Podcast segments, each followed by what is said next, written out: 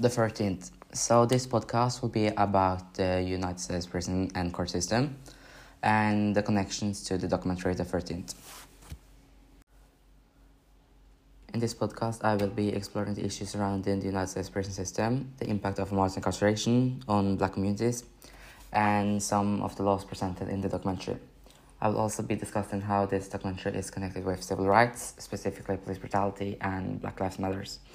By the end of this podcast, we'll have a better understanding of how the United States prison system uh, has a role in upkeeping the racial inequality in the country. The 13th is a documentary that was directed by Ava DuVernay. the documentary explores the history, history of racial inequality in the United States of America and how it's today practiced through the criminal justice system. The documentary is named after the 13th Amendment of the United States Constitution, which abolished slavery and involuntary servitude except for a punishment for a crime. This means that slavery is illegal except for a punishment for a crime. The documentary explores how this loophole, as it could be called, has been used to keep up the racial discrimination and mass, mass incarceration in the United States. By examining the history of the 13th Amendment, the documentary sheds a light on how the criminal justice system has been used to pressure community of colors and why, it's import- why it is important to understand the his history in order to change the ongoing issue of racial discrimination in the United States. Today, the United States alone has around 2 million people in prisons all over the country. It's estimated that around 5% of these inmates are wrong- wrongfully or unlawfully incarcerated. This means that around 100,000 people are serving a sentence for something they never did. What's even more shocking is that around 53% of these wrongful sentences are against black people. They are sentenced on little to no evidence. And for what? the United States prison and court system has been the subject of much criticism in the recent years due to the issue of mass incarceration, both previous and now. Mass incarceration means locking up a large number of people, especially people of color in the United States, for minor crimes, often resulting with too long sentences with little hope of rehabil rehabilitation or early release. This has had a devastating impact on communities of colors, including the loss of housing, education opportunities, as well as destruction of families and communities all over the country. The prison industrial complex is made up of private prisons and corporations that benefits or profits from mass incarceration and has helped this system grow. The documentary highlights the systemic issues that have led up to the mass incarceration in the United States today. Through its exploration of laws and policies that have kept this system going, the documentary shines a light for the need of a systemic change and the importance of addressing racial discrimination in the United States prison system. It also raises awareness about the estimated numbers of wrongful and unlawful incarceration in the United States, which furthermore shows a need for new reform. In the documentary, several laws were presented that had a big impact on the United States prison system. The 13th Amendment abolished slavery and involuntary servitude, except as punishment for a crime. This loophole has been exploited to continue forced labor within prisons all over the country. Here are some other laws that the documentary refers to. The Black Codes were laws that were passed in South America after the Civil Wars to restrict rights and freedom of black people. These laws were the forefather to Jim Crow laws and enforced racial segregation and discrimination.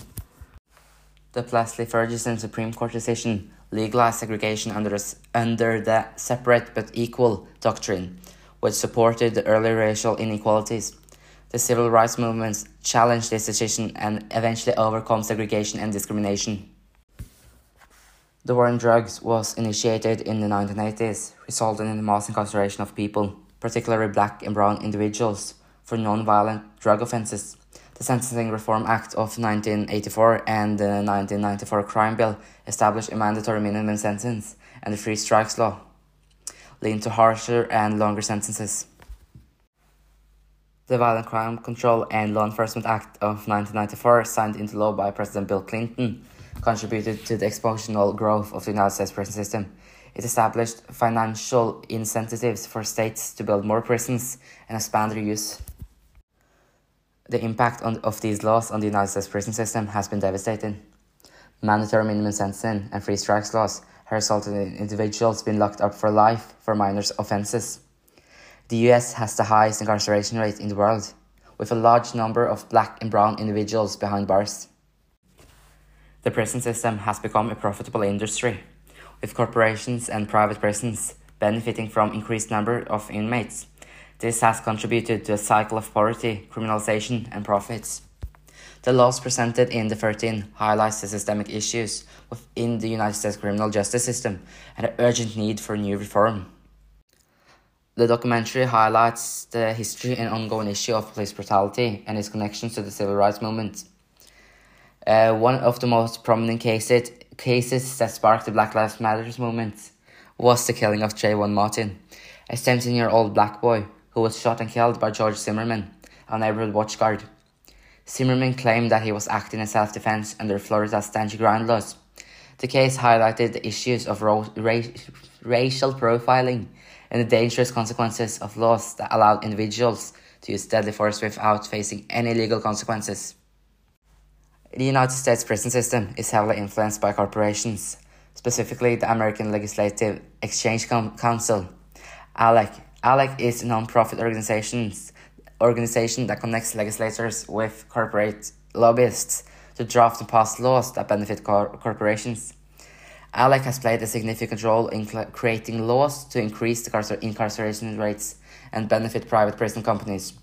For example, ALEC drafted the three strikes laws and mandatory minimum sentencing laws that negatively affects communities of colors and benefits the private prisoners private prison companies.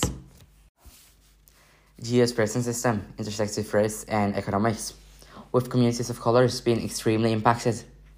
The war on drugs and down crime laws have led to the mass incarceration of many black and brown individuals, contributing to the wealth gap and systemic racism. Incarceration has also led to ripple effects on families and communities, with the loss of income and social capital leading to furthermore economical eh, disadvantages. The prison industrial complex profits off exploiting the cheap prison labor and warehousing of bodies, which continues the cycle of poverty and racial inequality. In conclusion, the documentary sheds light on systemic issues within the United States prison system and their connections to the civil rights, including police brutality and the Black Lives Matter movement. The role of corporations, specifically ALEC, in drafting and passing laws that increase the incarceration rates and benefiting private properties cannot be ignored. It is crucial to recognize the inter- intersection of race, economics, and the United States prison system in order to address and dismantle the systemic issues that support inequality and injustice. In this podcast, I explored the United States prison system and its history. I discussed how the 13th Amendment, black codes, Jim Crow laws, and other policies led to the mass incarceration of black and brown individuals.